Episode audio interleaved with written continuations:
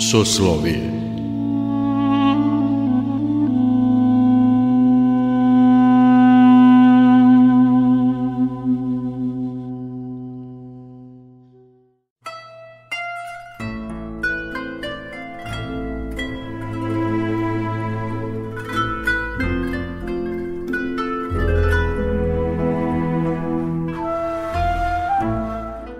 Slušate Soslovije, religijski nedeljnik Radio Novog Sada. Dobrodošlicu vam želi Mirjana Ranković. Večeras ćemo se podsjetiti priče o Vladičanskom dvoru u Novom Sadu.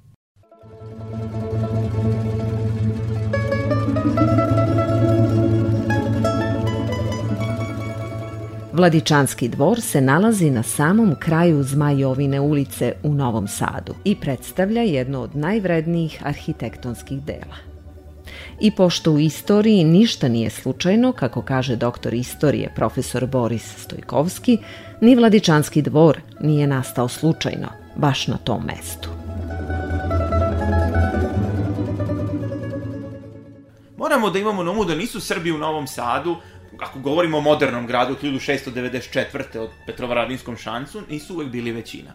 Kao što nisu recimo ni u St. Andreji, ljudi malo znaju da već početkom 19. veka Srbi su velika manjina u St. Andreji, ali su bogati, ugledni i mogli su zbog toga da imaju uticaj koji imaju da i danas kad odemo u St. Andreju na svakom ćošku nalazimo na nešto srpsko. Vidite vrlo slično i u Novom Sadu, on se vremenom, zahvaljujući Petrovaradinskoj tvrđavi nakon odlaska Turaka, razvija kao prvo kao Petrovaradinski šanac, a onda sve ono što je manje više mnogo do, bolje poznato nastanak je slobodnog kraljevskog rada, dakle Srbi otkupljuju tu privilegiju, pazite, opet govorim, ne bih volio da neko misli da ja sad nastupam sa bilo kakvog materialističkog stanovišta, daleko bilo, ali prosto je činjenica da nije moglo tek tako sve to da se sagradi. Za to su bila potrebna velika sredstva, ali i ugled.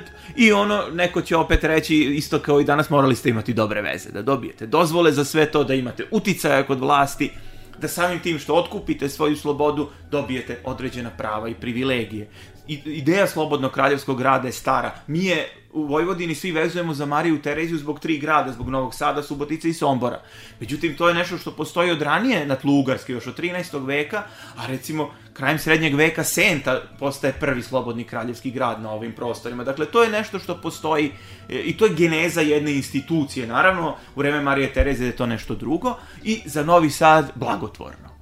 Naravno, različiti su e, aspekti, dakle postoji taj vladičanski dvor već polovinom 18. veka, pretpostavimo, e, ali ima zanimljivih zapisa, to su kolege koje se time bave, ja nisam toliko u toj materiji, ali kolege koje su time bave su mi pričale tako zanimljivosti da su u nekim zapisima govorilo, pošto je kod riblje pijace bio neki, da li rukavac Dunava, ako sam se dobro izrazio, i bio je strašan smrad i kreketanje žaba i mnogi su se žalili na to, i, i čak postoji neka teza, ja nisam baš siguran, to je malo onako romantičarski, kada je 1849. bilo to stravično bombardovanje grada Novog Sada, da sa samim Vladičanskim dvorom niko nije mnogo ni žalio zbog toga što je zgrada bila maltene na vrlo lošem e, položaju neupotrebljivano. Bilo kako bilo, to je ta prelomna revolucionarna godina, prosto aspekti srpski i mađarski u toj, toj situaciji su bili različiti, došlo je do tih sukoba. Novi Sad tu puno strada, Međutim, već recimo u to vreme možemo govoriti Vladika Sava Vuković 1810. zaveštava današnju Zmajovinu gimnaziju, odnosno osniva prvu gimnaziju koja je dakle opet vezana za crkvu, opet vezana za upravo sabornu crkvu, dakle za eparhiju Bačku. Govorimo o toj neprekidnoj tradiciji. Vladika Sava se tu poziva na Svetog Savu, na svetosavske tradicije. Dakle, to je ono što mi istoričari kažemo recepcija, ali zapravo to je ključna reč kada govorimo o ovim temama, kontinuitet. Bez obzira na to što u različitim epohama neke stvari nije u srednjem veku svet isti kao u 18. U 18. nije isti kao u 19. i pogotovo ništa nije isto kao danas. Prosto kad god o nečemu razgovaramo moramo da se prebacimo umom u to doba da zamislimo taj prostor, taj period i to kako su ljudi razmišljali, kako su ljudi shvatali i doživljavali svakodnevicu. Zato, zato ovo je jako važno, dakle, ta gimnazija uz već vek na tom prostoru eparhija Bačka deluje, jeste jedna od ključnih tih temelja. Ako govorimo o kompletnim istorijskim okolnostima, ne zaboravimo da 1864. dolazi Matica Srpska u Novi Sad. Da Vuk Karadžić, mislim 1825. ako se ne varam sad, beleži da je Novi Sad jedna od najsrpskijih varoši da već imamo ljude koji ovde i tekako formiraju tu zajednicu zbog koga se naziva Srpska Atina. Jedan meni zanimljiv podatak, vezan za Vladičanski dvor, jeste da zna se da ga je radio arhitekta Vladimir Nikolić, on je e, više struko poznat, neke koleginice i kolege su se i bavile, koji se bave tim periodom, su se bavile i njegovom ličnošću, njegovom de, njegovim delom, ali meni je interesantno, pošto je on bio patrijarhov sestrić, da ne bi izgledalo da je sukob interesa i da je, ne daj Bože, konkurs namešten, da, da je potpisan Ferenc Reichl. Vrlo zanimljivo, on je arhitekta čuvene Reichlove palate, on jedno vreme žive u Subotici i on je jedan od zapravo nosilaca secesije na ovim prostorima. Ili kako ga svi znaju, taj umetnički pravac kao Art Nouveau. Dakle, govorimo o pravcu koji je bio evropskim, svetskim razmerama onoga doba, to svetskim shvatite naravno uslovno još uvek za taj period, ali imamo dakle potpisnika jednog čoveka koji je zaista veličina u arhitekturi, kao što je bio Vladimir Nikolić koji je iz Beča donosi neke novine, on je bio u tim nekim modernim za ono vreme arhitektonskim kružocima, zbog toga i sam Vladičanski dvor tako revolucionaran istoričari umetnosti i arhitekture bi to bolje objasnili, ali činjenica to tome svi pišu i svi koji se u to razumeju su unisoni u tome da se radi o zaista jednom arhitektonskom čudu.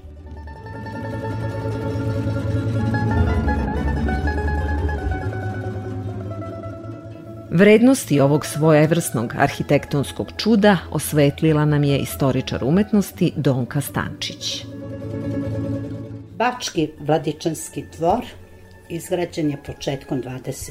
veka.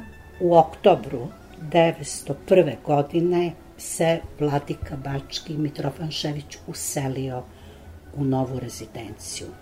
Međutim, manje poznato da je stara rezidencija, stari dvor se nalazio otprilike na današnjem mestu, ali samo malo pomereno ka ribljoj pijaci na tom delu placa. I kad je bila doneta odluka da se gradi, izabran je za projektanta arhitekta Vladimir Nikolić, rođak i, kako kažu, mezimac patrijarha Georgija Brankovića, tako je dobijao mnoge poslove po svim gradovima Vojvodine, a i bio je dobar arhitekta nesvršeni, nediplomirani student e, u Beču i kad je dobio posao, bilo je zanimljivo da se on odlučio za izgled episkopskog dvora takav koji je odudarao od svih njegovih e, objekata i opusa njegovog koji je bio poznat i koji je nastao pre ili posle.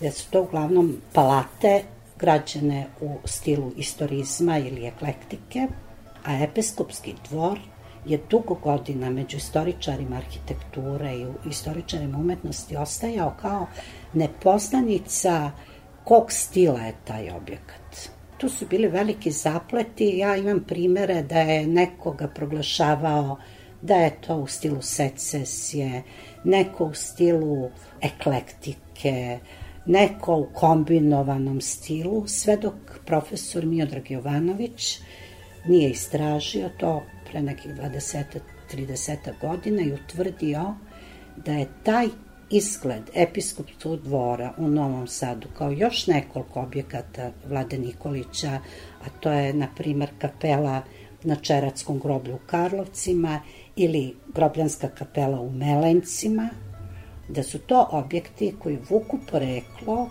taj izbor tog stila vuče poreklo i vezano je za Nikolićevo studiranje u Beču i to za jedan deo njegovog studiranja kod profesora Teofila Hansena. I ovaj profesor je taj stil, jer su četiri još, ne, još tri e, srpska arhitekta studirala kod Hanzena i svi su u nekom delu svog opusa imali takve neobične izgleda objekata. Profesor je taj stil koji je otkrio kod naših arhitekata, koji vuče poreklo od Teofila Hansena koji je bio danac i devet godina proveo na jugu dole u Grčkoj, u staroj Vizantiji, pod tim uticajem stvorio taj stil i naš profesor je nazvao stil kod naših arhitekata Hansenatikom. Znači, to je Hansenatika u Novom Sadu, na episkopskom dvoru, pod uticajem Beča i bečkog profesora Teofila Hansena. Kad je bila 49. godina, to bombardovanje u junu mesecu, stari dvor je srušen, To je poznata stvar da je tada izgorela kompletna arhiva, dokumentacija Bačke eparhije i da je to tada, taj događaj nesrećni koji se desio, snatno unazadio naše poznavanje istorije grada u nekim delovima naravno. Mnoge stvari fale našim saznanjima jer su nestale upravo u toj dokumentaciji. Knjige, da ne govorim, biblioteka uništena i tako dalje. Sve do izgradnje 901. novog episkopskog dvora kao privremeni objekat na mestu starog, mada malo pomereno ka Zmajovi, na liniju Zmajovine ulice, bio je izgrađen jedan parterni objekat koji je tu dugo stajao sve do početka izgradnje ovog novog dvora i tu su bile prodavnice, trgovina i dosta je bio popularan taj objekat i on je uklonjen 900 te godine kada je počela izgradnja ovog dvora.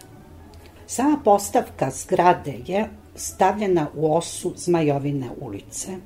Kad idete Zmajovinom ulicom, vi tačno čeono ćete videti glavnu fasadu ovog dvora i on ima dva krila i kad gledate osnovu dvora, ta krila se malo razmiču, prave jedan, kad se unutra gleda unutrašnji trapez, krila nisu iste dužine, ovo levo je skraćeno i tu se vidi koliko je Nikolić promišljeno to uradio, kako je postavio dvor u kontekst saborne crkve i okoline, on je skratio levo krilo gde se nalazi jedan ulaz glavni, kolski i ulaz za službena lica. Skratio ga je zato što da ga je produžio kao desno krilo, on bi upro nekako u apsidu saborne crkve, jer to je, krila se nalaze, ta zadnja krila se nalaze u blizini apside saborne crkve, ovo skraćeno krilo, veoma dobro je tu leglo i ne smeta. Na dvorcu Postoji na čelnoj fasadi glavni ulaz koji se danas, mislim, uopšte ne koristi, iznad jedan balkon, sve to onako slikovito, ali glavni ovi ulazi koji su u funkciji, oni se nalaze u levom krilu, unutra je vrlo funkcionalno sve u nizu, sa hodnicima kao unutrašnjim fasadama i tu kad se uđe i dan danas postoje nad vratima, iznad vrata, male pločice sa, mislim da su porcelanske, ili emaljirane, ne sećam se, sa nazivima odelenja, šta je tu bilo, pisarnica, ne znam, službenici u donjem delu, gore na prvom spratu je u levom krilu, na kraju levog krila kapela i tu su privatne prostorije vladike, a iznad ulaza glavnog, tamo gde je taj mali balkon, gde je čeana fasada, tu iza tog zida je veliki prostran salon sa stilskim nameštajem, sa tu su primali, tu su sedeli u svečanim prilikama. U desnom krilu je velika trpezarija sa freskama, to je slikama zidnim po zidu, skroz scenama, kompozicijama iz Novog Zaveta, koje je oslikao neki slikar Predojević. U mnogim od tih prostorija, pogotovo na spratu, zabeležili smo vredne kaljeve peći. Ima jedna žolna i sa žolnajim kaljevima, druge onako kao kamini, masivne, lepih boja, kvalitetne. Dakle, to krasi te gore prostorije. Ova kapela je vrlo ovaj, skromna, to je priručna kapela vladike. A što se tiče izgleda fasada, tu gde možemo prepoznati tu hanzenatiku, taj stil hanzenatike, treba obratiti pažnju na oko otvora plitak reljef u terakoti, plitak reljef sa nekim ornamentima, floralnim, geometrijskim, prozori su monofore, bifore i trifore. I sad kakvi su po tipu, svaki je u gornjem delu dekorisan sa nad onim delom, dekorisan u toj terakoti sa ornamentikom, kako sam već rekla, a između otvora na svim fasadama, na spoljnim fasadama, su keramičke ploče koje u svojoj strukturi imaju neke geometrijske linije, ali posebna lepota tih ploča i te oplate fasade je topli oker ton. Tako da zajedno sa tim oko prozora, ta, taj balans terakote oko prozora i tih ploča na fasadi, koloristički se dobije dobar utisak, a sve zajedno nije to ni secesija, ni eklektika, kako sam već rekla, već ceo utisak je tih objekata koji su stvarala ta četvorica arhitekata naših pod uticajem Hanzena i kad se pogledaju Hanzenovi objekti, to je onda taj širi krug te priče iz sredine druge polovine 19. veka, kad je Nikolić studirao u Beču. Господу помолимся. Господи, помилуй.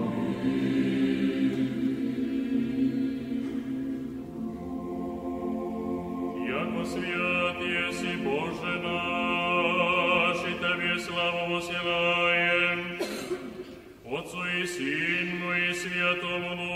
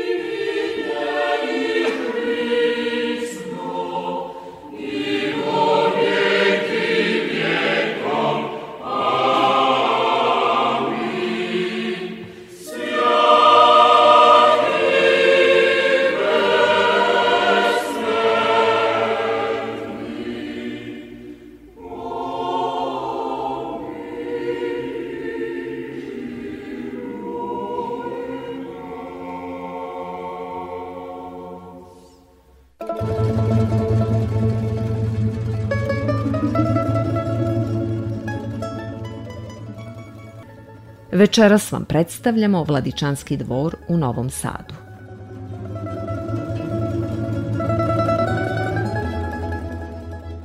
Velika rezidencija Bačkog episkopa završena je 1901. godine, prilikom čega je vladika Mitro Fanšević upriličio prigodnu svečanost. Kao gosti, pored mnogih uvaženih ličnosti, bili su i patrijarh srpski, njegovo preosveštenstvo gospodin Georgije Branković, zatim Pavle Peter kao predstavnik austrugarskih vlasti i Ilarion Ruvarac, veliki srpski književnik, duhovnik i istoričar. I danas fasada Vladičanskog dvora privlači poglede prolaznika. A šta se krije u dvorskim odejama i šta predstavlja Vladičanski dvor? Otkriva đakon Miroslav Nikolić. Vladičanski dvor je zdanje koje predstavlja zvanično prebivalište arhireja. U okviru date građevine nalaze se ili kompleksa građevina nalaze se i radne prostorije, prostorije za boravak i život arhireja i njemu najbližih saradnika. Vladičanski dvorovi u okviru sebe najčešće uključuju i dvorsku kapelu ili paraklis, bogoslužbeni prostor manji. U okviru dvora mogu se naći crkveni muzej, riznica, biblioteka i naravno crkvena arhiva. Stari vladičanski dvorovi koji su do danas sačuvani, uglavnom su građevine nastale u poslednjih dva stoleća i to su uglavnom dvorovi na područjima koja su nekada bila deo Habsburgskog carstva, gde je Srpska crkva bila imućnija i gde su prilike bile mirnije tokom perioda od 18. do 20. veka. Znači nije bilo ratnih razaranja. Za razliku od ovih na prostorima stare Srbije, episkopski konaci u gradskim sredinama morali su biti prilagođenim restriktivnim merama Osmanske imperije i nisu, bili sme, e, nisu smeli biti većih proporcija ili raskošnije opremljeni od domova viđenijih muslimana, kao što je bio slučaj u Beogradu, Šapcu, Sarajevu, Mostaru u 18. i 19. veku. Takva praksa je e, usled ustaničkih prilika kod Srba južno od Save i Dunava ubrzo napuštena. U službi episkopa uvek je bilo više lica zaduženi za razne administrativne poslove i najčešće su oni bili u crkvenim činovima. Prepiska je vršena na različitim jezicima, te su isti praktično morali biti poligloteka i vrsni poznavaoci bogoslužbenog poredka, kanonskog prava i građanskih zakona države koja je tada postojala. Što se tiče samog podizanja dvora, ostale sačuvana bogata ar arhivska građa, nažalost nije još uvek dostupna za istraživača, nalazi se jedan deo u Mitropolitskom i Patriaršijskom depovu u arhivi u Sremskim Karlovcima i jedan deo građe imamo u samom Vladičanskom dvoru, budući da je, da je Vladičanski dvor goreo i potpunosti nestao stari uh, u mađarskom bombardovanju Novog Sada 1849. godine. Arhiva zvanična crkvena eparhije Bačke datira tek od 1853. godine, zaključno sa današnjim danom. U okviru uh, biblioteke eparhije Bačke možemo razlikovati fondove arhijereja, na primer uh, Mitrofana Ševića, uh, Nikanora Iličića, Irineja Ćirića i uh, zaseban fond nezavisno od stare episkopske biblioteke čini biblioteka sadašnjeg uh, vladike Bačkog Irineja Bulovića. Stara, stara biblioteka čini preko 6.500 knjiga, razne e, sadržine, znači ne isključivo crkvene, ali ne isključivo i na srpskom jeziku. Tu imamo sačuvane brojne spomenike, znači e, knjiga koji same za sebe predstavljaju spomenik kulture, ne kao biblioteka, nego pojedinačno. Najreprezentativniji primjerak je rukopisno evanđeljo s poslednje decenije srednjeg veka koje, zahvaljujući e, konzervatorskom odeljenju Biblioteke Matice Srpske, uspešno prošle godine sređeno i vraćeno nazad na čuvanje u eparhijsku biblioteku. To bi onako izdvojio kao primer. Pored e, navedene biblioteke i arhive postoji značajna zbirka umetnina u koju ulaze što ikone, a što dela likovne umetnosti na platnu i to je čuvena zbirka bačkih arhijereja koja je posebno zaštićena kao celina i u njoj se nalazi 16 portreta bačkih episkopa. Sam dvor, to, kao što je poznato, eh, je potigao vladika Mitrofan Šević, a u njemu su stanovali episkop Irine Ćirić, Nikanor Iličić, eh, zatim dvojica administratora eparhije Bačke, vladika Sremski Vasilij Vadić i eh, blaženo počivši vladika Sava, episkop tada Šumadijski, a poslednjih 30 godina u dvoru boravi predstavatelj Bačke eparhije episkop Irine Bulović. Ovaj dvor, pored toga što je dom bačkih episkopa, nažalost u jednom periodu od 17 meseci, 1944. na 45. godinu, je predstavljao i e, zatvor.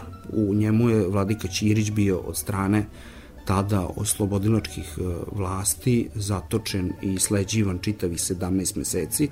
On se praktično nalazi u kućnom pritvoru i u samom dvoru su obavljene sve istražne radnje. U ratnom periodu dvor je bio privremeno i u njemu je bilo privremeno organizovana i nastava za učenike pravoslavne bogoslovije i Bogoslovskog fakulteta u Beogradu sa područja Bačke eparhije koji su bili onemogućeni da usled ratnih prilika nastave svoje školovanje. Tako da ni po čemu nisu zaostajali.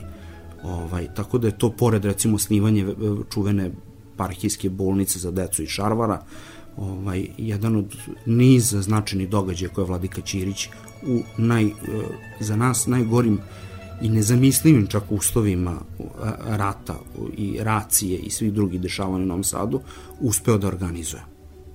Od tog perioda život dvora se odvija striktno u crkvenim krugovima i tu su uglavnom završavaju administrativni poslovi i tako je manje više i do dan danas.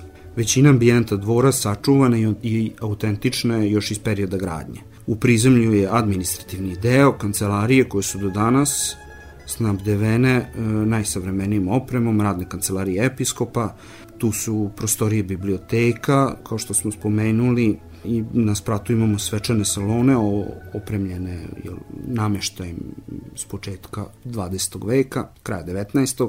Ono što bi posebno istakao to je e, da se u dvoru nalazi i jedno bogoslužbeno mesto, to je kapela Svetog Vasilija Velikog, koja je po jednom zapisu na, na, na jednoj ikoni, e, možemo da se datirati da je formirana 1928. godine, znači ne postoji od samog vremena podizanja dvora, a njena namena e, i svrha je bila da posluži kao e, mesto okupljanje pravoslavnih Rusa koji su se tad usled revolucionarnih okolnosti u carskoj Rusiji obreli u Novom Sadu. Tako da je ta kapela do 50. godina 20. veka služila kao parohijska crkva pravoslavnih e, Rusa Novoseđena koji je znatan deo njih i sahranjen na Uspenskom groblju u Novom Sadu. Sačuvane su matične knjige, značajne prepiske i mnogi druge bitne stvari i njihove ikone, bogoslužbene knjige. Pored toga bi još naglasio da je recimo praksa koju je vladika Mitor Fanšević imao da u dvoru prima značajne goste, organizuje sedeljke, pa je tako recimo u dvoru boravio čuveni pesnik Laza Kostić. Sa balkona dvora se okupljenim građanima u svojoj poseti Novom Sadu obratio 1919. godine tadašnji regenta budući kralj Aleksandar Karadžorđević, sa tog balkona je i 44. godine Vladika Ćirić pozdravio sovjetske trupe koje su oslobodile Novi Sad na ruskom jeziku, a ta praksa je nastavljena i u periodu posleratnom, kada su mnogi recimo značajni poglavari pomesnih crkava u svojim kanonskim posetama Srpskoj pravoslavnoj crkvi, ovaj, zahvaljujući staranju i trudu vladike Nikanora Iličića, posjećivali i Novi Sad, sabornu crkvu, samim tim i bili primljeni i u Vladičanskom dvoru, čemu svedoče i dokumentacijona i fotografska građa, koja inače redka, ali dostupna iz tog perioda. Tako recimo posebno je zanimljivo da kao mladi arhimandrit u dvoru u dva navrata boravio i sadašnji patrijarh moskovski, gospodin Kiril. U zdanju Vladičanskog dvora između ostalog se nalazi i svečana trpezarija koja je, iako je, jel, znamo kakvog je karakterističnog stila sam Vladičanski dvor, e, trpezarija je uređena po uzoru na stare manastirske srednjovekovne trpezarije i sva je u živopisu koji inače nije bio karakterističan za taj period, a to je tradicionalni e, srpsko-vizantijski živopis koji je uradio čuveni živopisac Predavić, inače Rus poreklom iz predela današnje Ukrajine koji je čuven po tome što je radio i određene freske i u Patrijaršijskom dvoru u Beogradu.